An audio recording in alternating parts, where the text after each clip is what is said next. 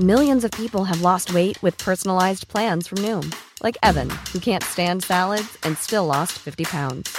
Salads, generally, for most people, are the easy button, right? For me, that wasn't an option. I never really was a salad guy. That's just not who I am. But Noom worked for me. Get your personalized plan today at Noom.com. Real Noom user compensated to provide their story. In four weeks, the typical Noom user can expect to lose one to two pounds per week. Individual results may vary. Hey, it's Ryan Reynolds, and I'm here with Keith, co star of my upcoming film, If, only in theaters, May 17th. Do you want to tell people the big news?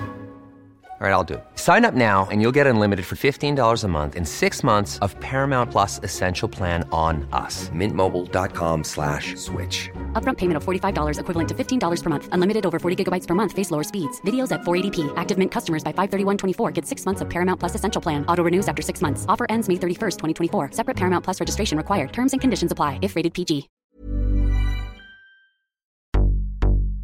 Once upon a time, There was two siblings. a sister and a brother They made a podcast called Nördarnas attack with Shebly Niavarani. and Shima Niavarani. Yeah, det är vår vignett. Har du sett det här klippet med den här mannen som är på tv för att söka jobb som vaktmästare och eh, de tar fel på honom och tror att han är kommentator i, i någon sån här kemi eller fys, någon fysisk grej så här.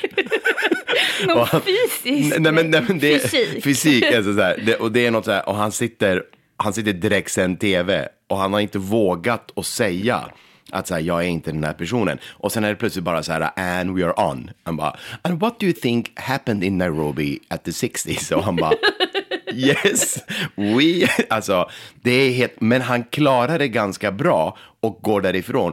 Och sen visar det sig att de har, den här mannen som var där för att verkligen kommentera den här händelsen, han satt fortfarande där ute. alltså, det, det är så här, you can't make that shit up. Men hur ska man vara komiker? Alltså hur... Jag tänker på det här, jag håller på... Det här är hemligt, men jag håller på att göra min första soloshow efter 12 års tid. Alltså det är min tredje soloshow, men efter 12 år. Och jag, är bara, jag funderar bara på att citera folk. Alltså jag kan inte... Det är skitsvårt att vara rolig. Alltså jag tänker också så här... Skämt kan slå så fel idag. Ehm, just för att allt är så seriöst. Alltså det är väldigt mycket på liv och död, vem som får höras och var humor ligger. Och eftersom folk inte vet vad de har varandra politiskt, det är så poli- polariserat, så är det svårt att få, alltså det finns ingen konsensus kring att det här kan vi alla skratta åt. Sen måste inte alla skratta åt allting. Men hur fan är man rolig?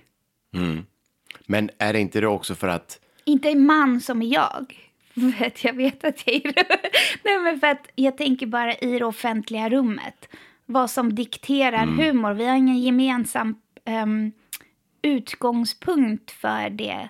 Men, men, men vad tänker du om, alltså, är det inte det också så att sociala medier har gjort att om ett skämt hade inte gått så bra någon kväll någonstans i världen, det hade fem personer hade sagt så här, ah gud vad det där skämtet får man inte Ja, säga. men det är som alla Och nu, omoral. nu blir det ju liksom en enorm grej på Twitter eller sådär. Så att det, det finns också en, en, en känslighet, men också att nu hörs ju allting på ett annat sätt. Ja, men det försvinner också, lika snabbt. Tänk dig The Oscars eller The Emmys för typ 20-30 år sedan. Eller med Melodifestivalen. Sånt, när det blev nyheter av sånt, då låg ju det kvar. The Joke 1972 som fick den här komikern att få en, eh, liksom, ett drev mot sig. Men idag dyker det där upp, sen är det bortblåst på fem minuter. Så Ja, det är också precis. den aspekten. Det blir världsnyhet och sen är det bortglömd. Liksom. Ja, men sen är nästa grej Mm. imorgon som är, stort på sociala medier. Men, Men jag tänkte, har du sett det här klippet med Norrtälje-politikern som, eh, som får en blackout eh, i 30 sekunder? Eh, han är Norrtälje-politiker. Eh, de har beslutat i kommunfullmäktige att de ska höja sina egna löner. Och en SVT-reporter åker ut, ställer honom frågan. Eh, fanns det inte liksom bättre saker man kan göra med de här pengarna? Och han får literally en 30 sekunders blackout. Ehm, han har sedan dess eh, avsagt sig alla sina politiska uppdrag och slutat som politiker. Och det här själva löneförhöjningen, eh, den stoppades också. Och jag, när jag såg det klippet första gången så trodde jag att det var en ny satirshow på SVT. Och blev jättenyfiken för jag tänkte, åh vad kul, ett nytt program sådär. Och då visade det sig att det var ju sant.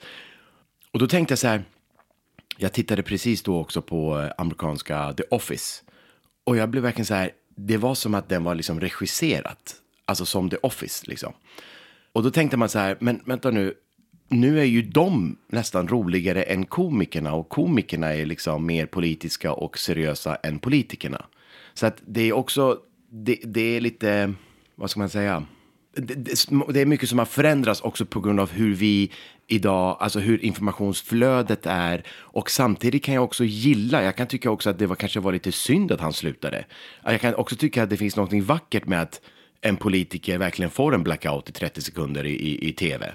Men han fick ju en blackout för att han vet ju att det han gör är Ja. oförsvarbart. Ja, exakt. Det finns bättre eh, saker att göra med och, de här pengarna. Men jag kan också tycka att det finns också någonting bra med att allt inte är så polerat. Som när man tittar på eh, olika politiker nu svara inför saker och ting med Tidöavtalet och sådär. Där man, de, de får en fråga och sen börjar de frågan en helt annan ända och börjar, börjar säga så här. Jag minns när jag var 13 och skulle söka jobb. Alltså du, man bara, men du, du Men har s- 90 sekunder på dig, kan du svara? Men så, det saknar ju alla. Alltså jakten på autenticitet är ju jakten på mindre retorik, mindre PR framställt. Eh, tyvärr så blir den, alltså den autentiska grejen också en framställning. Det är Ja. så här, jag är så autentisk att jag bara säger som det är. Alltså det är ju typ så eh, Trump vann. Precis. För att han bara, "Äh, jag säger som det är. Alltså, även typ eh, partier som jobbar med mer så populistisk eh, framtoning. Som fångar upp vad människor tycker. Där kan man ju tycka ibland att eftersom att det fattas analys. Och det fattas grund och liksom en bildad kontext i vad de säger. Så kan man ju alltid säga som det är. För att de flesta människor sitter inte på någon politisk expertis. Om, alltså den svenska ekonomin som har, man tror att den har utvecklats vart fjärde år med eh, politiken. Men den hade egentligen sin grund redan på 90-talet. Vi har bara, varje liksom, parti har bara utvecklat det därefter. Eh, och säga så här, ja, men som typ hur den här alliansen gick ut innan och sa så här. Ja, man kan inte be svenska folket att försöka använda mindre el. Utan det, det sossarna misslyckats är med det här och det här. Klipp till, de bara, kan svenska folket snälla inte använda så mycket el? Eh, för att de lyckas inte politiskt jobba bort det, eller vad man ska säga. Eller hur fan skulle de göra det politiskt? Elpriserna är som de är. Ja, men det handlar väl om att vi har inte slagit om till att eh, eh, leva mer sparsamt i vissa avseenden. Och nu när eh, politikerna ska kasta ut pengar som stöd så visar det sig ganska direkt att mycket av det här stödet kommer också gå åt fel håll. Där det finns kanske andra som skulle behöva de här pengarna mycket mer än vissa som kommer att få det nu. Ja, Så men därför att vi jobbar inte med förnybar bränsle eller solenergi eller den typen av grejer. Men samtidigt så har ju den här regeringen valt att inte gå ut med att om, alltså de har ju valt att gå ut med att omställningen inte ska vara så stor Mm. för företagare, entreprenörer och produktion etc. Men det är också något... Så det är lite motsägelsefullt. Ja, nej, men det är också någonting som jag känner så här, det är väldigt svårt att också få svar. Alltså jag är ju en stor fan av Anders Holmberg som har 30 minuter på SVT. Och han har ju blivit kritiserad för att han, när de, han har de här politikerna eller makthavarna hos sig så ställer han ju samma fråga om och om igen. Och jag satt och tittade på ett avsnitt nu med turkiska eh, ambassadören, alltså den svenska eh, ambassadören eh, från Turkiet. Han ställer liksom en fråga på, på liksom på nästan samma sätt. Han, han liksom betonar ett ord lite annorlunda. Så jag tittade på det här och så, så tittade jag om på samma program igen. Och så tänkte jag, det är också intressant. Jag fattar kritiken, att det kan bli lite tjatigt. Men samtidigt så finns det också att det där blir också ett svar. Alltså när en väldigt seriös och tung påläst journalist ställer samma fråga fyra, fem olika sätt. Och man ser den här ambassadören som blir mer och mer liksom han försöker att verkligen eh, eh, säga någonting, men han kan inte säga någonting, så han bara upprepar sitt liksom, icke-svar. Så kände jag också att i det så blir det också ett svar. Men att vi, kom, vi får ju inte sanningen, exakt det han tänker, men vi blir ändå varse om att så här, saker och ting är inte som de är. Eh, ja, Anders, sitter han, Anders Holmberg sitter han i Agendas redaktion. Eh, ja. Ja, intressant. För det är en, en teknik de har, tror jag. Jag märkte det också i min, min sanning som jag var med i. Och jag har också tittat på de programmen. Så jag har tittat generellt på hur SVT ställer frågor. Och det är jätteintressant för att tekniken bygger på, eftersom om man tar till exempel BBC eller CNN. De kan ju verkligen säga så här, fast det där stämmer inte. Vi har ju uppgifter som visar på det här och det här. Eller den statistiken stämmer inte. De kan också komma med motargument. Och ställa sig på andra sidan om ett argument. Det kan inte SVT göra. Men vad man kan göra är att låta någon annan exponera sig själv. För det är en sån väldigt mänsklig mekanism att om ett svar inte är tillfredsställande, då gör man om svaret. Så om man frågar till exempel, eh, men varför valde du att eh, göra den där uppsättningen, Chablu? Och så säger du något med, men jag tyckte det var viktigt, den har ett jättebra innehåll eh, och eh, det passar i vår tid. Men varför valde du att göra den? Jo, men för att det är en bra pjäs och det var ju så otroligt bra regissör inkopplad och jättebra ensemble. Men fast varför valde du att göra den? Jo, men det är ju också så här, det, var ju, det passade ju bra i tid för mig att göra den i mitt liv. Också med hur jag hade planerat saker. Men varför valde du att göra den? Ja, det var svinbra betalt. Vilket det aldrig är. Det är aldrig det på, på, teater, på institutionsteater. Men, men förstår du vad jag menar? Ja, ja, precis. Det är ett sätt att låta någon annan, för det är så klassisk grej. Och, och också om du skulle bli sur, bara, som jag sa, det var ju en viktig pjäs att göra. Jaha, men varför valde du att göra den? Varför var det viktigt att göra den? Jo, för att det är en viktig pjäs. Och då gör man ju viktiga pjäser. Och då har du exponerat dig själv med att du är en aggressiv person som döljer något.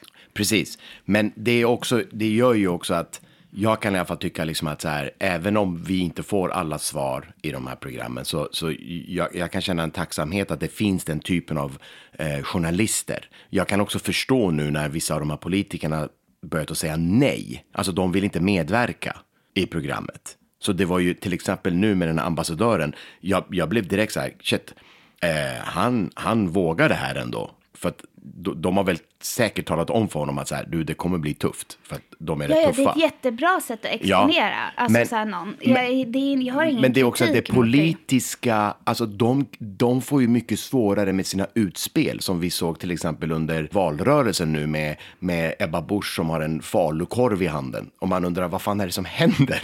Alltså ska hon, ska hon laga korvstroganoff här? Alltså så här.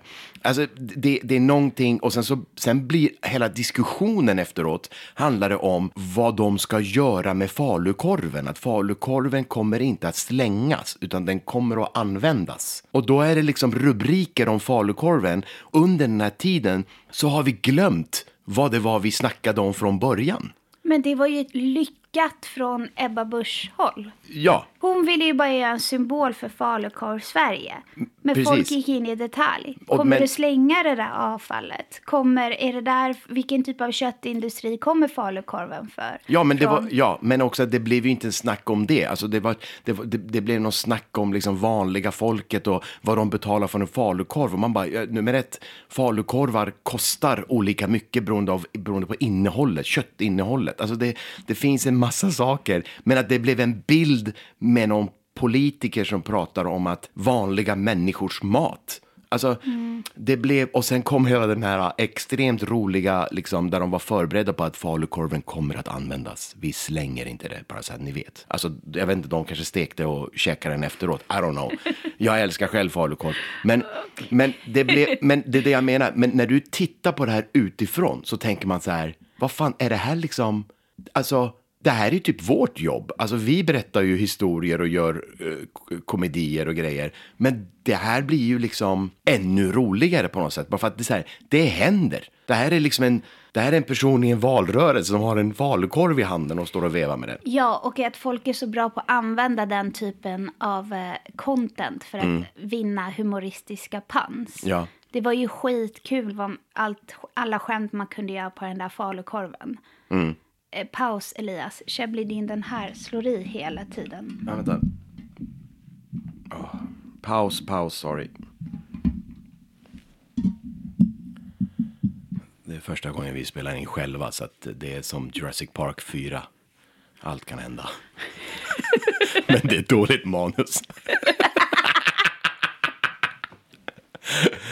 förlåt Elias, förlåt. Elias är alltså vår klippare som första gången ska klippa det här och vi sitter i min lilla etta eh, och det är massa flyttkartonger och påsar här.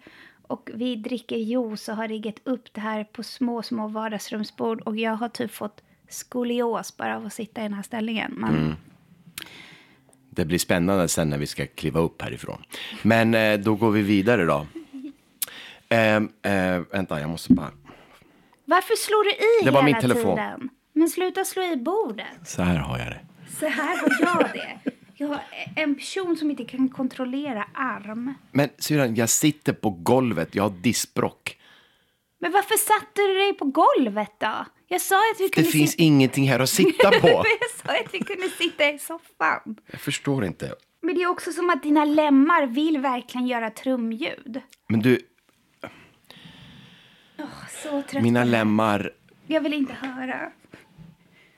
Men jag tänkte också på att så här, vissa av de här svaren man får av politikerna, det är ungefär som när du ringer mig och frågar så här, kan vi åka till Väsby idag? Och jag säger till dig, jag kan inte. Och istället bara för att säga, jag kan inte, jag hinner inte, så säger jag, jag ska tvätta, diska, eh, dammsuga, moppa, träna och sen ska jag gå och spela föreställning. Och du blir alltid så irriterad på mig. Ja, men därför jag, så fort man frågar dig och också andra och jag fattar det för att man vill säga så här, jag vill inte vara otrevlig och säga jag kan inte.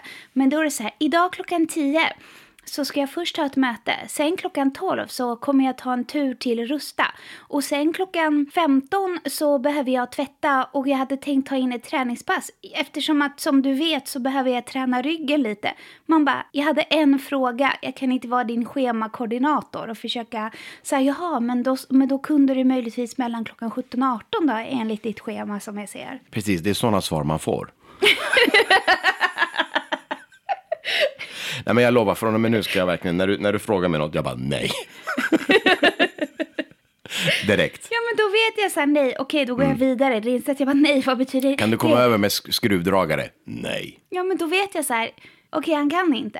Eh, Eller så här, nej, jag hinner inte. Jag fattar det. Men det är inte så att nej betyder så här, nej, vi kommer aldrig mer vara syskon igen efter att du frågar om en skruvdragare. För det innebär det här. Jag fattar så här, du hinner inte, du har inte, du kan inte. Mm, Men från mitt håll kommer det av en känsla av ärlighet, att jag vill berätta för dig, det här står jag inför. Men jag tycker att ibland när man hör vissa politiker som har 90 sekunder på sig så tänker man, de har alla samma lärare som har lärt dem, alltså medietränat dem. Så de håller hov i en minut och 25 sekunder om någonting men helt klart annat. Det är så. Alltså, ja, men det är klart det är så. Men Ja. vet du vad det är lite som? Det är som det där äh, elementet i parlamentet där man inte får säga ja eller nej. Ja.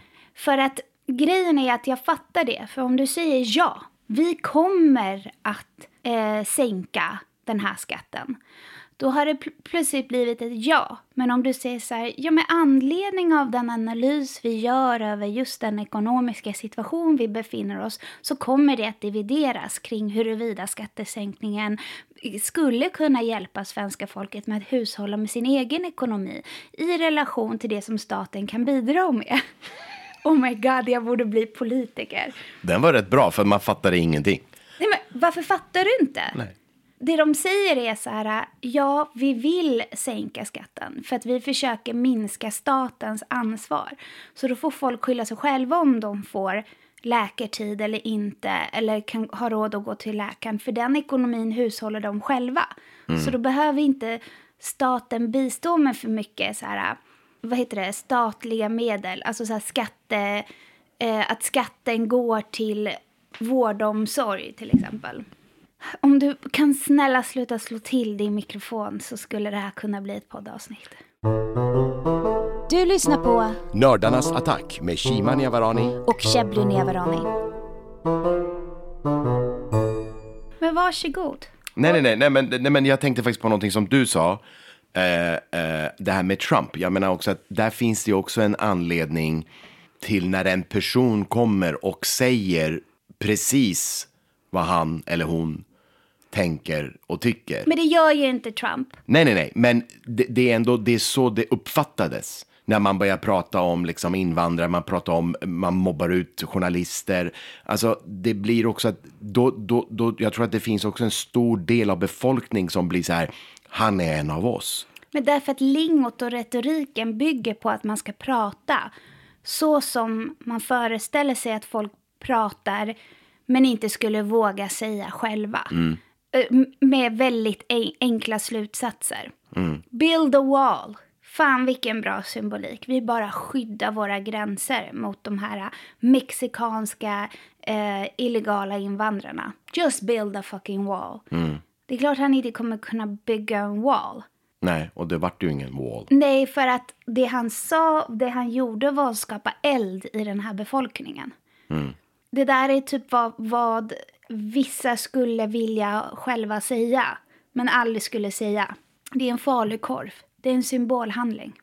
Ett sym- det är liksom en form av retorisk symbolpolitik. Nej, men och jag tänker att där hände ju också någonting som där han höll på med sina nästan shower som president och samtidigt som hela late night-kulturen med alla de här komedi eh, ser, eller komedi, liksom livesända komedishowerna eh, på kvällarna, de blev ju mer och mer politiska, så nästan alla de här eh, monologerna som de höll, liksom, eh, Colbert och de här, och Jimmy Fallon, de blev ju nästan, det var där folk fick söka sig för att få någon form av politisk analys eh, i en väldigt polariserad liksom, landskap som, som vi är fortfarande i.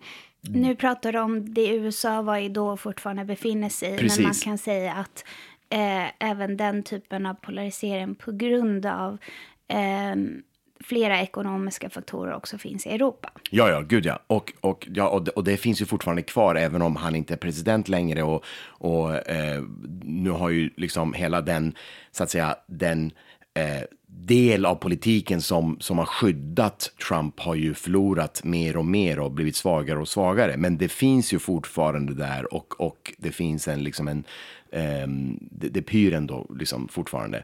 Men och jag tänkte så här, det, finns ju, det har ju alltid funnits en, liksom en, en, en, en form av länk, en interaktion mellan politiken och narren genom hela historien. Där narrar har fått komma för att uppträda i, i, eh, vid hovet eh, och alltid liksom historiskt varit rädda för att så här, ja, men får inte du kungen att garva så, så kommer de hänga dig. Och det blev liksom till hela den här bröd och skådespel, liksom. vi, ger dem, vi ger dem olika häftiga grejer. Till liksom det grekiska teatern där filosoferna ställde sig upp inför folk och berättade det som blev teatern, liksom, där, där det blev eh, vad ska man säga, berättelser som hade att göra med filosofi och samhälle och människans väsen och själ och så vidare. Och så finns det ju också många skådespelare som har blivit politiker och, och komiker som har gått in i politiken och så vidare. Det är ju så intressant för att komikerns roll, som ju bygger på den här gamla jokern, narren, som uppträder på hov framför kungligheter. Om skämtet inte, lyckas, då, blir, då får den huvudet avhugget. Så skämtet måste lyckas. Det komikerns uppgift, hoven och narrens uppgift, är att sparka uppåt. Vad man gör är smörjer kungligheterna och skämtar lite, drar ner brallorna på dem lite grann, men bara tillräckligt för att de ska skratta och inte bli förolämpade. Traditionellt sett är ju det en komikers roll.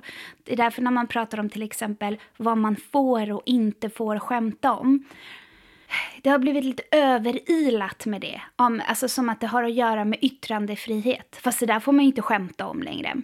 Och det stämmer helt och hållet inte. Mm, för att, för att humor har vissa premisser. För att man ska få människor att naturligt garva. En klassisk sådan är att sparka uppåt.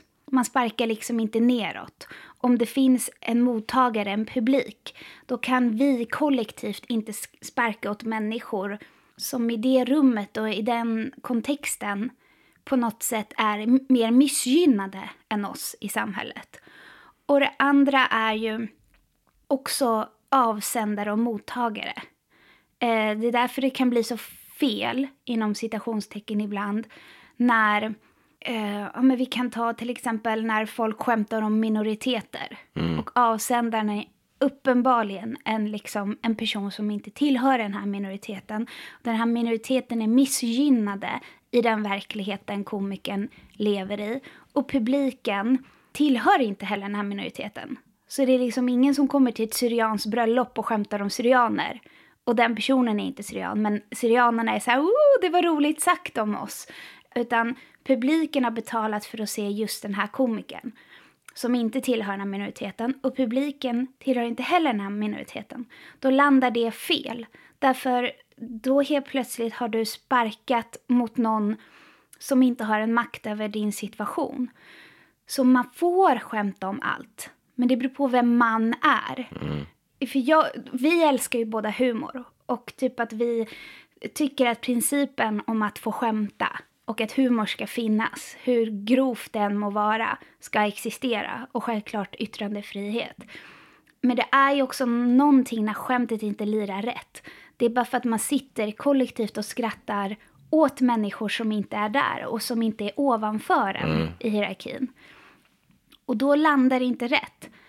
Så principen att få skämta om allt, ja. Ja, och sen också att humor har ju egentligen, det har ju alltid också funnits ett eh, eget ansvar. Alltså i det. Det är ju bara det att nu på grund av cancelkulturen och allting så har det kommit till någon form av diskussioner kring det med sociala medier och allting. Men det har egentligen så tror jag liksom att det har alltid funnits eh, att komiker har behövt ta egna ansvar kring vad det är de ja, sänder ut. Ja, det är självklart. Men det är också typ så här i kontexten. Eh, Ricky Gervais skämtar på Golden Globe. Det är så här off the line på alla de skämten. Eh, men det funkar för att hans inställning är jag är bara en, en full narr mm. och ni är Hollywood-eliten. Så nu kommer jag spill the tea och säga som det är, rakt i era ansikten om er. Mm. Då funkar det. För då är liksom hela överenskommelsen, det är det här jag kommer göra. Mm. Jag kommer dra skämt för långt om er. För att det är typ en press, Hollywood press, eller vad fan, det, vad heter det? Vad heter de som har Golden Hollywood Foreign eh, Press. For, foreign Press. Hela den principen bygger på så här, journalistik, yttrandefrihet och då funkar det i den kontexten. Ja.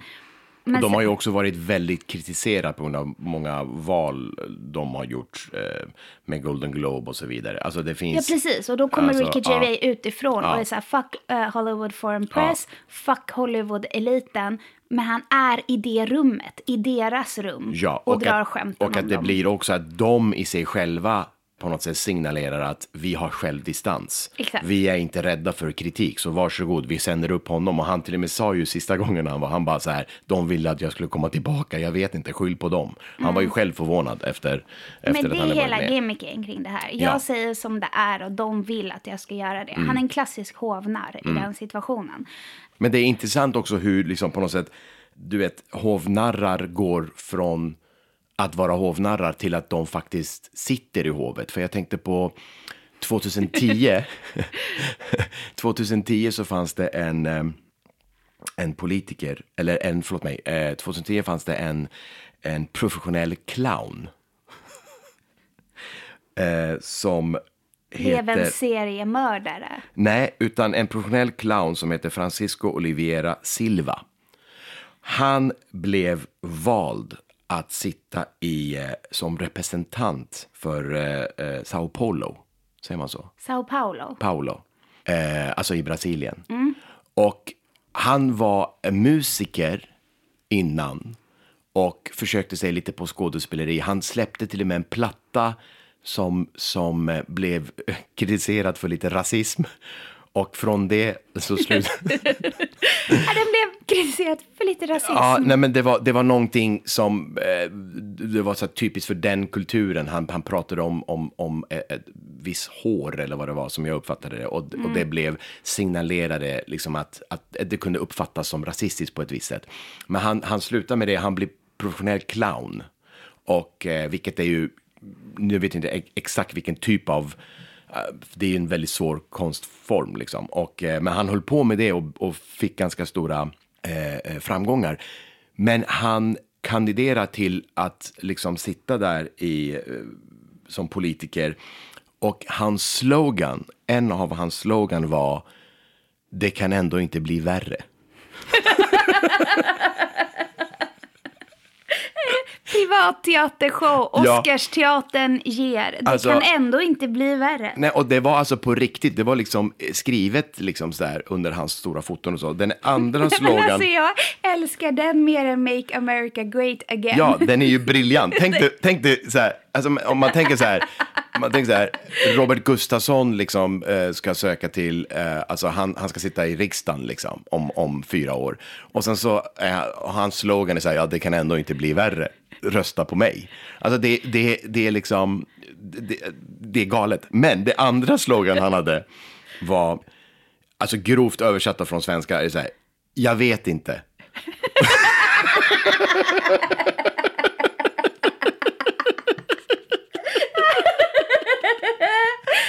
Alltså det, det, den har jag fått översätta från engelskan actually, så här, I don't know. Så här. Alltså, jag, alltså jag vet inte. Jag Röst- vet faktiskt inte. Ja, Eller alltså- så här, alltså I typ sanningens namn. I sanningens namn. Inte. I don't know. Actually, I don't know. Alltså jag vet inte. Rösta på mig så berättar jag sen. Och sen... Han fick... Det är genialiskt! Han fick- det är typ det mest sanna en politiker har sagt. Ja. Actually, I don't know. I don't know. Vi tar reda på det tillsammans. Och det sjuka är så här. Han vinner då valet. Han får flest röster av alla andra Ja, men kandidater. det är klart, för alla tror ju på det där. För Ja. han säger ju, han vet ju inte vad han säger. Men det briljanta det är att han sitter där i tre år och är eh, politiker. Men efter tre år så ger han upp och blir clown igen. så man, jag tror att han tänkte så här, det är fler narrar här än i mitt jobb. så han är tillbaka nu eh, och är full, fulltidsclown. Ja, men, han, Och eloge, alltså för att det, jag, alltså vi hade ju clown eh, på skolan. Alltså men det är jag tänkte fruktansvärt kanske svårt. att, ja det är skitsvårt att vara clown. Alltså en riktig clown. En riktig clown. Alltså det är ju det, alltså i, på, det här kan ju du berätta mer om för du har gått scenskolan. Men typ att det är ju en teknik man lär sig, clownteknik. Ja, och, och man är aldrig klar. Alltså och, och det är inte så här clown, så här barnkalas-clown. Nej, nej, nej. clownen kommer ifrån liksom, det är hela commedia dell'arte, eh, traditionen. Det är liksom att det är en helt, en helt, alltså pantomimen, det är så många saker som går samman där i Mm. den gamla fysiska komedin. Så det är inte clown sådär med eh, sån Nej, alltså inte att man bara... det är inte barnkalas-clown och att man är så här, ja, Det är olika saker liksom. vill Olle ha det här? Alltså det är inte sån, utan Vem fan är Olle? fråga Olle. Vill Olle ha det här? Nej, inte av dig. Olle är livrädd. Olle har sett det. Ja. Men, men vad heter det? Ehm, men liksom många starka ledare som har gått emot etablissemanget. Kanske inte just det här anti-establishment som Trump står för väldigt tydligt, men liksom generellt en så här allmän liksom det rådande politiska systemet. Eh, och då menar jag inte bara så här anti-elit, utan liksom bara jag ska ta över och fucka upp det här landet. Eh, för som kanske inte tänker det så först. Men de har ju vissa narrattribut. Om man tar till exempel Trump med håret. Och liksom han har ju en röd clown. Och smink. Alltså, Och smink, men också han har ju typ en röd clownnäsa. Alltså, bara i, i sättet han är på är det som om han har en röd clownnäsa. Och Boris Johnson, också håret. Också att han är sån här som skulle kunna partaja och vara, vara han har ju gjort det jättemycket, men så här, vara en del av folket. Han, han fuckar upp, gör misstag, snubblar på sina för stora Hey, it's Ryan Reynolds, and I'm here with Keith, co star of my upcoming film, If, only in theaters, May 17th. Do you want to tell people the big news? All right, I'll do it. Sign up now and you'll get unlimited for $15 a month in six months of Paramount Plus Essential Plan on us. Mintmobile.com slash switch. Upfront payment of $45 equivalent to $15 per month. Unlimited over 40 gigabytes per month. Face lower speeds. Videos at 480p. Active Mint customers by 531.24 get six months of Paramount Plus Essential Plan. Auto renews after six months. Offer ends May 31st, 2024. Separate Paramount Plus registration required. Terms and conditions apply if rated PG. Planning for your next trip? Elevate your travel style with Quince. Quince has all the jet setting essentials you'll want for your next getaway, like European linen, premium luggage options, buttery soft Italian leather bags, and so much more. And is all priced at 50 to 80% less than similar brands. Plus, Quince only works with factories that use safe and ethical manufacturing practices. Pack your bags with high-quality essentials you'll be wearing for vacations to come with Quince. Go to quince.com/pack for free shipping and 365-day returns. Hiring for your small business? If you're not looking for professionals on LinkedIn, you're looking in the wrong place. That's like looking for your car keys in a fish tank. LinkedIn helps you hire professionals you can't find anywhere else, even those who aren't actively searching for a new job but might be open to the perfect role. In a given month, over 70% of LinkedIn users don't even visit other leading job sites. So start looking in the right place. With LinkedIn, you can hire professionals like a professional. Post your free job on linkedin.com slash people today. Svarta eh, skor.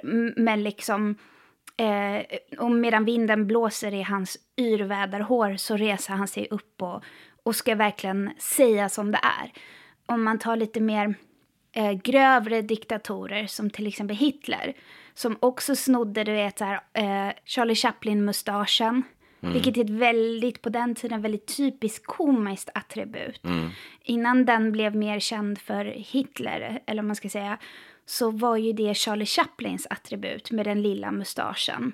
Det är liksom ett motsatsen till Big Dick Energy, höll jag på att säga. Men alltså att ha en sån liten mustasch har ju en väldigt komisk klang. Och, eh, och snedluggen. Att han hade liksom en look jämt som blev hans signum. Eh, det finns en bok av Per-Robert Öhlins eh, som heter Fame to Claim. Som handlar om hur man bygger den typen av varumärke utifrån en specifik arketyp. Just det, ja. Eh, och där kan man se även i popstjärnor som typ Michael Jackson gjorde sig känd för sitt hår, solbrillorna, den vita handsken, eh, bindlarna runt armen, en, en move som var moonwalken eller liksom ett, ett läte som var hi-hi. Alltså att man har specifika typiska attribut som man alltid kopplar till den här personen. Och det är så intressant hur man kan se det i, i, eh, liksom, i ledare som har anspelat på att vara en hovnär, på att gå emot det rådande politiska systemet eller vara en anti-establishment-figur som kommer in från sidan och talar till folket. Det är att arketypiskt sett, kanske inte helt medvetet, men kanske lite också så som man jobbar med att bygga ett sånt typ av varumärke eh, eller en persona. Det är narrens persona. Mm. Och jag, vet, jag tror inte helt och hållet att det är en efterkonstruktion. Jag tror att en del av den grejen faller naturligt, även om det inte är helt PR-uträknat, i att vara en sån typ av ledare. Det är inte som att de klipper sig och sätter på en kostym eh, som ska se ut på ett visst sätt. Alltså de, deras typiska slogans, sätt att prata på, deras utseenden, deras hår, de, de, de behåller dem hela vägen in. Och det är lite det jag tror att mottagaren, allmänheten, undermedvetet läser in hos dem.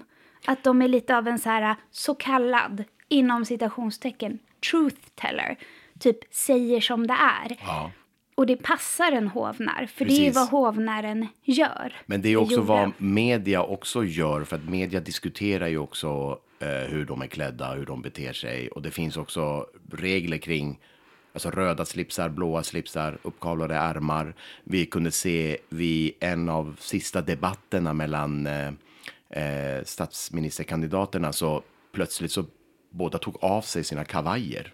Och, och liksom, att det var så här regisserat. Nej, men det eh, var för att det var varmt Ja. och då ville Ulf Kristersson tror jag det var. Ja, han började och sen och Magdalena tittade och, och det blev jätte, och det, det finns med i ett klipp och man, man fattar liksom inte Men så här. hon var så här, jaha, kan vi ta av oss Ja, det var som att säga, är det dags nu? Alltså det Nej, var... men det var så här, vad skönt. Vi Ja. gör den grejen. För att Ja. det var varmt i den där studion och båda ville ha- ta av sig kavajerna.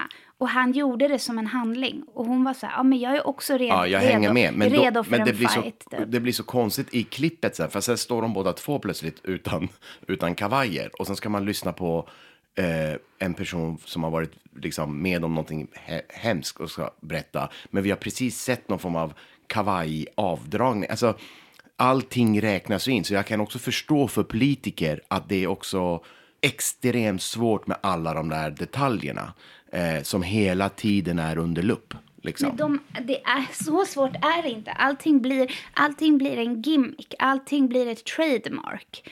Alla grejer som du gör som definierar dig, även om det är emot dig och inte till din fördel, ett, alltså om det är till din nackdel, kommer slutligen bli till din fördel. Mm. Men Ja. frågan är, jag tror inte det funkar så varenda gång. Alltså det finns Nej, ju jag kvinnor vi- som till exempel hur har... man bygger upp ett narrativ. Mm. Narrativ, det vill säga berättelse. En berättelse som bygger på arketyper. Arketyper är de här typiska, du vet, så här, narren. Mm. Eh, eller em, den trovärdiga. Eller alltså, arketyper är inte stereotyper. En stereotyp är liksom byggd på fördomar att du ska bete dig och vara på ett visst sätt utifrån Mm. fördomsbaserade idéer om den du är. En arketyp finns i berättelse, hjälten, underdogen. Mm. Det är Rocky Balboa. Det är den som liksom gör en resa från att vara på botten till att vara på toppen. Narren är den som drar ner brallorna på eh, de som är von oben. Mm. Eh, och jag tror att vi i våra sätt att tolka människor i det offentliga rummet, tolka berättelser, tolka hur vi väljer att skildra, är så inkörda i det här. Så när det dyker upp någon som, säg Boris Johnson eller Trump eller andra typer av populistiska ledare, är att vi omedelbart börjar läsa in de grejerna. Mm. Det blir håret för Mm. Trump. Det Mm. blir eh, hur han är, pratar sådär weird och nasalt och gör den här grejen med munnen som blir en Saturday Night Live. På en gång vet vi vad det är. Så vi, de sakerna förstärks medialt och i vår berättelse om dem. Så de blir en arketyp. Mm. För att vi är så vana vid att läsa in den som narren. För allt Mm. de säger är absurt. Men förr eller senare så vänjer vi oss vid det. Ja, och- det, det de säger blir någonting att räkna med. Ja, och där blir det ju intressant när på något sätt den som traditionellt är narren, om man skulle säga skådespelaren då. Mm. Narren ska nu porträttera presidenten, som till exempel Brendan Gleeson som, som Mm. spelade Trump Mm. i den här miniserien Comey Rules, Mm. som handlar om eh, president Trumps och FBI-chefens första kontakt som, Mm. som blev ju katastrofalt och den beskrivs väldigt spännande i, i den boken då, som James Comey skrev. Och man har gjort en miniserie och Brendan Gleeson tackade ju nej till rollen flertal gånger, även om han har samma typ av kropps vad ska man säga, ehm, kroppshydda som Trump och, Mm. och är en briljant skådespelare. Jag tycker han är grym. Men han tackar ju nej flera gånger för att just Du för att... menar att hans, så som han ser ut skulle lätt kunna Ja, göras till Trump? Precis, eh, och, och det var ingenting som hade att göra med hans politiska åsikter och så, utan han tog det verkligen som en skådespelare, liksom sådär. Och han tyckte det var fascinerande historia, men han, det, det var också så svårt bara för att jag kan också förstå det, att det är så här, ja men hur spelar man Donald Trump på riktigt? Alltså, Alec Baldwin gjorde ju honom i Saturday Night Live på ett väldigt roligt och galet sätt sådär. Mm. Men att verkligen göra det äkta när när han är så oäkta. Så jag kan också förstå den grejen, liksom, att han tackade nej flera gånger. Så här, han ska ha den här frisyren och allting. Men sen så tyckte han Men att... att vem är oäkta? Eh, Alltså att Donald Trump, liksom, alltså, hur spelar man när han är själv liksom... Han är själv top, en narr, liksom. han är själv en karaktär. Mm. Och en, nästan en karikatyr Precis. av idén om en ledare och idén om sig själv. Ja. Och då ska den här skådespelaren med sina skådespelarverktyg försöka göra den här människan till mer än vad den faktiskt är. Ja. Nämligen trovärdig, komplex. Eh, och Alla de här grejerna. Och han tackar nej flera gånger. Till slut så tackar han ja. Det är inte en perfekt miniserie. Den är, jag tycker han gör ett skitbra jobb. eh, Och Jeff Daniels spelar FBI-chefen. Han är ju också alltid bra. Och den är väldigt så här, verkligen liksom A till Ö. Det här typ hände. Men det jag saknade var just att jag kan förstå också att det var, det var så svårt att hitta de här äh, stunderna där liksom så här, vad, vad händer med Trump liksom på morgonen? Den här ensamheten som han måste också ha känt när han börjar kolla och irritera sig på olika saker som rapporteras och börjar twittra. Alltså de här, de här stunderna liksom. Eh, men, men han gör det verkligen han verkligen går in för den rollen och har försökt att ändå skapa så mycket människa som möjligt och, och förhopp, förmodligen också avstått många saker som många andra kanske hade tänkt så här, ja men det här blir mer action, det blir mer galet, det blir mer roligt. Så har han avstått och verkligen pressat ner sitt spel väldigt mycket. Och det är jäkligt intressant just hur, hur när de där världarna möts och man bara så här, ja men hur ska man spela den här redan liksom over the top karaktären med alla de här attributerna som, som, som han har, alla de här sätten han har, sättet att prata och alltså hur, hur gör man det till en riktig, riktig människa? För det är ju, han är ju ändå det liksom. Ja, jag vet, de, man, det har ju funnits försök, typ, um, vad heter den, Der, un, Der Untergang. Undergången, äh, undergången ja, briljanta tyska Ja. filmen. Ja. om em, Hitler då. Eh, och det som, en sak som är så fascinerande är att det vi, det som kännetecknar eh, en sån diktator som har skrikit är ju att han, när han bygger upp ett retoriskt tal då börjar han ju lugnare och varmare. Det har sin dramaturgiska peak när han står och skriker. Men det är bara de grejerna vi får se. Alltså, eh, det är ju för att det är det som blir eh, det starka innehållet. Så kan man ju se när det görs nyhetsreportage eh, om människor till exempel, det här är ju så far off från hur man skildrar, eh, hur en diktator eh, porträtteras. Eh, men om man ser till exempel människor i kris, då tar man ju den mest, man tar ju aldrig någon som lugnt förklarar sin situation och vad, vad som händer i landet. Utan man tar ju, fångar alltid upp ögonblick när någon står och skriker. Eh, eller gråter och slår sig själv på huvudet. Eller att man, man tar den största misären. Och samma sak för hur man minns historien om, om saker. Till exempel de här ledarna. Det är att de, tor, de står och skriker och folk är uppeldade. För att koppla ihop det du, till det du pratar om, Brendan Gleesons tvekan inför att gestalta en sån typ av karikatyr där man inte får mänsklighet. Och till Bruno Gans gestaltning av då en annan typ av tydlig karikatyr som vi är vana att se. Nu är, nu är ju ingen av de här riktiga karikatyrer. Alltså, så som vi är vana att få se dem dokumentera och så som de har pr- pratat till allmänheten är på det här sättet. Men ur den här aspekten att vara skådespelare och försöka skildra mänsklighet bakom en ledare eh, som är van att säga ganska extrema grejer och ser, har en viss extrema attribut i utseendet eller som man senare kanske uppfattat som har blivit deras trademark. Eh, så tänkte jag på att Bruno Gans gör ju både en tolkning som går i linje med hur vi var vana att se eh, Adolf Hitler när han eh, var, så som vi var vana att se dokumentation av honom. Eh, I den typen av ton och utstrålning han har. Säkerligen så var han gullig mot Eva Braun ibland. Eller typ klappade ett barn på huvudet och gjorde andra liksom mer icke-diktatoriska grejer. Men Bruno Gantz försökte ju också, likt Brendan Gleeson, hitta människan bakom diktatorn eller ledaren. Mm. Och Bruno Gantz fick ju väldigt mycket kritik för, inte väldigt mycket, men en hel del kritik kom även om filmen och han blev väldigt hyllade för att många menade också att man... Vilka är många? Eh, Alltså, det var journalister och, och recensenter bland annat som, som menade att så här, men ska man... Alltså att han, han porträtterade honom lite väl mänsklig. Och det blev sådana diskussioner. Och, och Hur han, då? Mänsklig på det sättet att han hade... Nej, men man ser hans rädsla, man ser hans förvirring, man ser han, han, att han hade eh, en viss kärlek, som du själv var lite inne på. Att han kanske inte var psykopat utan att Nej. han potentiellt kunde ha empati och tvivel. Ja, och det blev ju en diskussion som jag själv har varit med om. Jag har själv gjort roller där, där man har sagt så här, men, men ska man liksom, ska det, alltså ska man, ska det, ska det, ska det bli så pass komplext, ska man inte spela det liksom mer så där, det där är ont, det där är gott. Eh, vilket men är ju alltså, väldigt ointressant för en som En skådespelare. gestaltning som förmänskligar en folkmördare Mm. står ju i kontrast till så som vi i historiebeskrivningen har sett hans handlingar. Ja.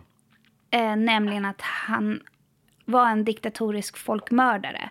Men som skådespelare så att spela en, vad ska man säga, en cover på det vi redan har sett eh, eh, i dokumentationer och i historiskt material är ju inte så kul. Utan skådespelarens uppgift är att försöka hitta alla de här nyanserna och skeendena inuti en människa bakom de politiska handlingarna. Men då är frågan, Jo, men för att det handlar ju också om att så här, det finns inga monster, det finns människor som, som begår ondskefulla handlingar? Precis, Ja. och, och, och det är det som på något sätt, jag tror som skådespelare så, och, eller som regissör, författare, då vill man ju också visa, liksom, man vill visa den här komplexa sidorna, man vill visa de här nycklarna som gjorde att plötsligt så var man där, vad hände liksom? Och så plötsligt så betedde sig en massa människor Jo, men helt det är ju fruktansvärt. alltså, det är superrelevant också ur, vad ska man säga, ur skildringsaspekt eller politisk aspekt. Mm. För att det är så väldigt lätt att lägga ett avstånd som om en sån ledare bara dyker upp vart 300 år och är ett monster från hell Mm. och är redo att slakta och ta sönder en nation och eh, en hel, eh, ett helt Europa. Eh, men så det är såklart relevant att visa på människan bakom de här handlingarna. Precis. Att det basically var en gammal misslyckad konststudent som ville bli politisk ledare och gillade Charlie Chaplins mustasch och Mm. hade en fru och eh, helt plötsligt ledde en nation och ett världskrig. Ja, och som, som, som var ett monster och som begick eh, eh, fruktansvärda eh, saker som, som fortfarande eh, på något sätt är som, som, som ett extremt sår liksom. Ja, men det är det jag menar, att man behöver inte se det som en... ehm, något som står i kontrast till historieskildringen eller eh, så som vi ser på de politiska handlingarna. Utan tvärtom, genom att förmänskliga någon och ge den komplexa lager, så som en skådespelare gör, i en, som Bruno Gans gjorde i en sån här gestaltning. Eh, snarare så tror jag att det öppnar upp för att man ska greppa det faktum att det, alltså, det är människor så som vi känner till människor och inte eh, en seriemördar psykopat arketyp som begår de här handlingarna. Utan en människa som har kommit till en position där den väljer att begå sådana här handlingar. Har, Nej, men- du, har du sett den här Jeffrey Dahmer-serien? Ja, och, och alla dokumentärerna. Jag med. Eh, eh, Nej men, nej men, da, da, Men det är bara för att vi, vi älskar ju ser, Ja. seriemördare. Ja. Alltså vi är ju liksom uppfostrade lite där. Freddy Krueger, Nightmare on Elm Street. Vi Mm. har ju haft exakt det här är så hem, som är så hemskt och som skildras i den här serien eh, kring offren. Den här eh, pop, popkulturella fascinationen av ehm, den, det amerika, de amerikanska seriemorden med folk som... Och de blir ju nästan som rockstjärnor i hur de är så här... Eh, typ så här... Um, Garcy som är clown eller den som... Alltså det finns en... De är ju, kar, de är ju också karikatyrer. Alltså de blir också i, i den erans popkulturella sätt att se på eh, Ja, men de blir ju det i folks ögon bara för att folk gör ju dem till det. Alltså, för jag tänkte så här, man kan verkligen diskutera den här serien på olika sätt och dokumentären och allt det där. Men det, alltså, när folk sen ska klä ut sig till honom på Halloween, då tänker jag ju också att där är ju också någonting i, i hur vi är byggda som gör att vi tycker att, alltså människan tycker att det är en bra idé att Nej, göra det. men det är, det är faktiskt människan. Vad menar du med det? Det är som att vi latent tycker att sånt är bra idéer. Nej, det har men- ju att göra med en tidskontext. Att under den tiden då seriemord blev en grej i USA Också då psykiatrin och polisutredningar började uppmärksamma alla dessa mord på prostituerade eller minoriteter eller människor som i samhället inte har en så kallad betydelse. Eh, att man började kartlägga psyket hos de här mördarna och kartlägga samband mellan offren för att kunna se. Det är seriemord. Och att det inspirerar fler eh, till seriemord på något sätt. Eh, och där så tycker jag att det har att göra med kanske snarare var USA också befann sig popkulturellt.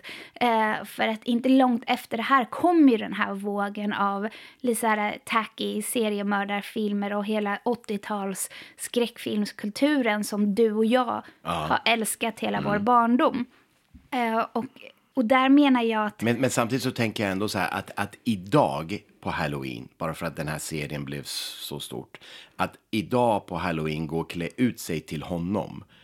Det, jag vet liksom inte riktigt heller vad man men vill vem med skulle det. göra det? Alltså, Nej, men det var ju folk som gjorde det. I och, år? Ja, och, och Men de, det är ju bara för serien hade en boom. Precis. Och, men men då, då tänker jag så här, men vad handlar det om? Vill man visa att så här, jag har sett den här serien? För jag menar, han, han är ju, han var ju en, det- han gjorde ju fruktansvärda saker. Och, och det som serien på något sätt och försöker ta fram också, det var ju också Det psyket de- bakom handlingarna. Ja, men också de rasistiska undertonerna som Mm. fanns också. Där, där tycker jag att han, de lyckades rätt bra med det ändå. För det var någonting som rent historiskt hade liksom glömts bort. Här börjar man plocka upp det. Liksom. Vad hände just när det är afroamerikaner som, som ringer in till polisen och säger det luktar liksom ruttet. Och han får Eh, fortsätta med sina och han får hålla på för att de och de släpper trodda. honom för att det är en Mm. vit snubbe liksom. Men, men jag kan tycka liksom också att det egna ansvaret att sen, sen på halloween gå och klä ut sig till honom när man vet att så här, det här är ju, var ju på riktigt och släktingar och familjemedlemmar till, till, till de som ehm, eh, som blev mördade av Mm. honom, de lever ju idag, de kämpar ju Men fortfarande det med här massa menar saker. jag är mot bakgrund av vad som hände under den eran i USA. Mm. Att folk började skriva fanbrev och göra animationer Mm. och tecknade eh, liksom serieteckningar på de här seriemördarna. Att det fanns en, vad ska man, alltså så här ensamma kufiga människor som tyckte det här var häftigt. Och Ja. det blev ett nästan popkulturellt fenomen måste man säga. För det blev ju det. För ta till exempel Marilyn Manson vars alla bandmedlemmars namn bygger på Manson, Charles Manson. Ehm, eh, att man tar en- en filmstjärnenamn som första och sen som efternamn en seriemördares namn. Eh, skitsamma, men också alla skräckfilmer etc. Och serie, Mm. liksom eh, comic strips. Mm. Men det tror jag är mot bakgrund av att det fanns en sån popkulturell grej som skedde i USA. Mm. Jag menar, det är ingen som kommer gå ut eh, till halloween och klä ut sig till Palmes mördare. Ja, men förstår du vad jag Nej. menar? Alltså den... Idag, sen den eran, så ser vi ju inte på mördare på det sättet, med den typen av fascination. Mm, det är mm. bara för att det inom psykologin började... Det hände mycket saker i eh, det psykosociala kunnandet Också faktiskt efter andra världskriget. Att man började förstå till exempel, som Hannah Arendt skrev om banal ondska. Eller att man gjorde mycket sådana när det kommer till sekter och ehm, grupper som går samman och skapar en egen moral. Att man börjar se till hur funkar människor i grupp? Hur kan man manipulera varandras huvuden, hjärntvätteri och hur kan man ändra perception? Så det gjordes väldigt många sådana kartläggningar av gruppdynamisk psykologi och människans psyke och idén om psykopaten, sociopaten etc. Eh, och hur hjärnan funkar eh, och vad som är genetiskt arv, miljö eh, och liksom versus det sociala. Mm. Att någon med trauman kan, tidiga trauman kan forma psykopati. Mm. Eller narcissism, narcissistisk psykopati etc.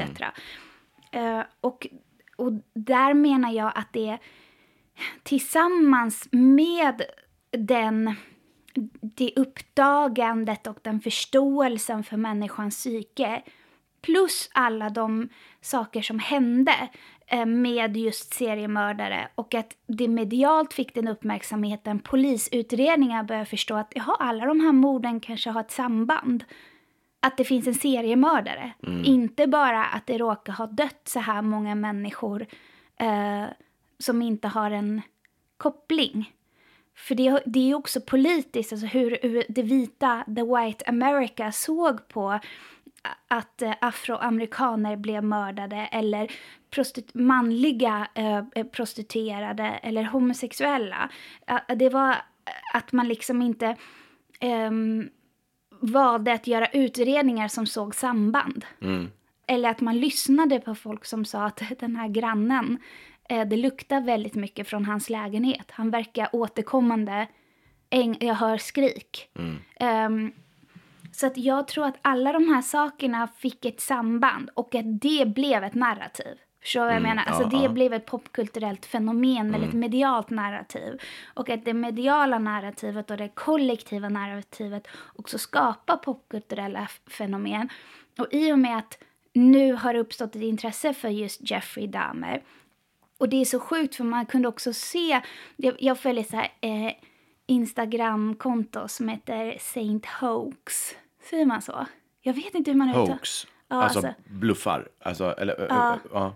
alltså H-O-A-X. Ja, hoax. Ja. Ja, alltså jag älskar det Instagramkontot. eh, för att den personen som är bakom det är så on point. I mina värsta, deppigaste dagar så får det där kontot mig att skratta. Det låter väldigt generation Z när jag säger det. Men det... det ehm, och, och där så hade den här personen bakom kontot då lagt ut eh, så tweets. Att serien handlar om hur eh, egentligen, alltså så som ehm, Ryan Murphy, nej, vad heter regissören? Eh, Ryan Murphy. Ja. Ryan Eh, Murphy. Alltså han är skaparen. Eh, Skaparen av den, eh, som har gjort så här American Horror Story Mm. och annat och den senaste den, eh, serien Hollywood. Alltså hans inställning till det, liksom de serier han har skapat är ju på något sätt att uppdaga narrativ vi har missat. Och just i den här så ville han få fram eh, den delen av storyn vi har missat, nämligen det att den seriemördare vi, så här, vi med vi menar alltså allmänheten, eh, gjorde till ett popkulturellt fenomen var en person som dödade eh, people of color, som var homosexuella och som var fattiga och inte hade makt gentemot systemet. mm. Men på det här Insta-kontot så var det så, eh, så roligt att se så många tweets av tjejer som bara “But he's kind of cute though”. Mm. eh, alltså, så- och det är lite så här... Eh, och att de började typ så här, vad heter det, avdramatisera hans handlingar. Typ, men han sövde åtminstone ner dem innan han lobotomerade dem. Oj. Alltså så här, Oj. eh, alltså han gjorde det inte medan de kände någonting. Utan han lobotomerade dem bara för att få sällskap. Och någon som kunde, någon, en lobotomerad som, kunde, som han kunde få hålla om. Eh, så att den mekanismen ligger ju kvar. Och det menar jag gör man lättare mot bakgrund av fascinationen för seriemördare under den popkulturella kontexten i den här tiden Mm. Mm dyker det upp en, en fruktansvärd mördare idag, då, då vill ju inte vår samtid göra det här till en splattergrej. eller till en horror eh, grej eller typ att vi gör affischer med den här personen eller gör eh, såna här små Comic Con-figurer av den. Mm, actionfigurer liksom. Men ja. så här, det blir ingen comic strip på den där seriemördaren. Alltså, eh, Damer är ju, den är ju, den är ju skapad av eh, Ryan Murphy. Som, eh, Mm. av det går att, som det går att förstå, har han skapat serien tillsammans med eh, eh, eh, Ian Brennan. Och sen är det Jennifer Lynch som har jobbat jättemycket med honom. Hon har, det är hon som har regisserat flest avsnitt, så jag tror att det är hon som har liksom satt formen och, och sådär. Eh, Jo, men jag tror, jag tror att Ryan Murphy har satt narrativet. Ja, ja, nej men han har ju skapat och, och är huvudbossen. Alltså perspektivet, Ja. med narrativ menar jag, eh, det jag snarare menar är perspektivet utifrån hur man väljer att skildra den här serien. Ja, jo, men det, det är ju Så mycket även han. om man ja. förstår hans, ehm, Han har också en deal med Netflix där han ska producera flertal tv-serier. Så han är liksom deras snubbe nu liksom. jo, jo precis, American Horror Story och ehm, Mm. Hollywood och- Hollywood. ja. Men jag, näm- jag sa ju allt det här innan. Aha. Men du satt i telefonen då och googlade. Eh, Jag var tvungen att amortera.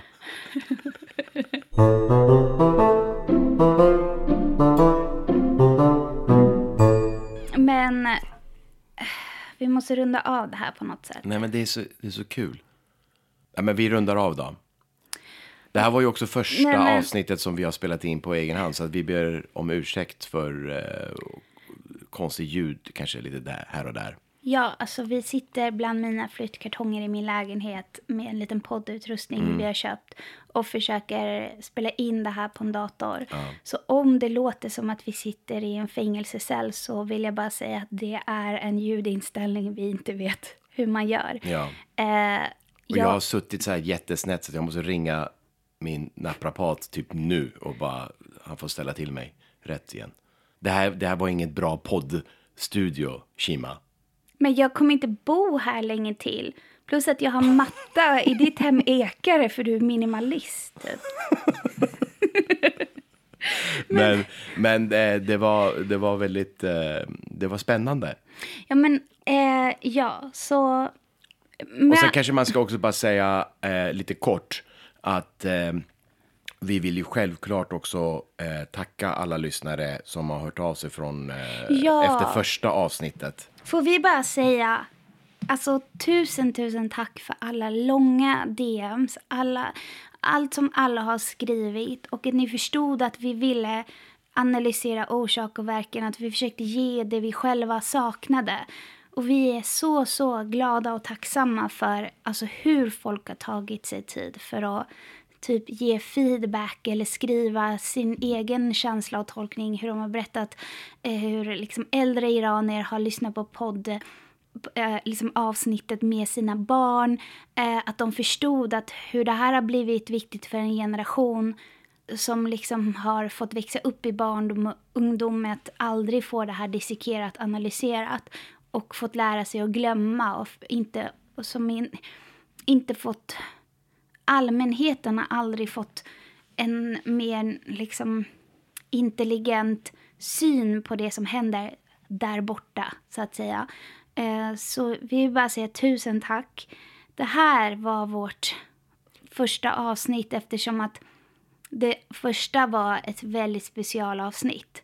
Eh, och som vanligt så är det här vår kaotiska dramaturgiska form. Så det, det här är en, det här, så här är Nevaran i formen. Ja, men den är ju en speciell form.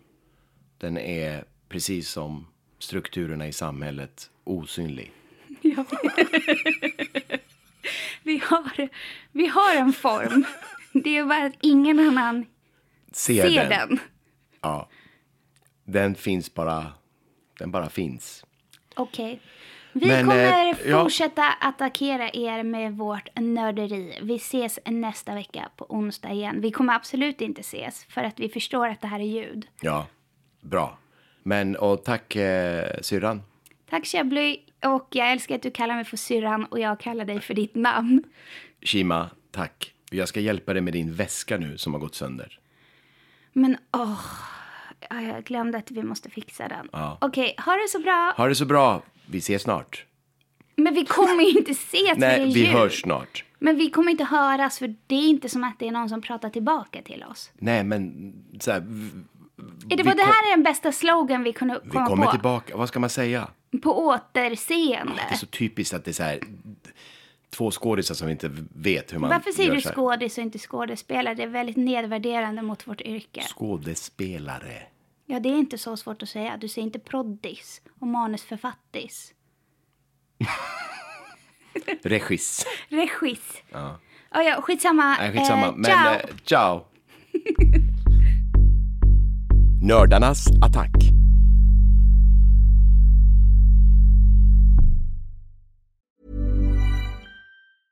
Even when we're on a budget, we still deserve nice things. Quince is a place to scoop up stunning high-end goods for 50 to 80% less than similar brands. They have buttery soft cashmere sweaters starting at $50, luxurious Italian leather bags, and so much more. Plus, Quince only works with factories that use safe, ethical, and responsible manufacturing. Get the high-end goods you'll love without the high price tag with Quince. Go to quince.com slash style for free shipping and 365-day returns.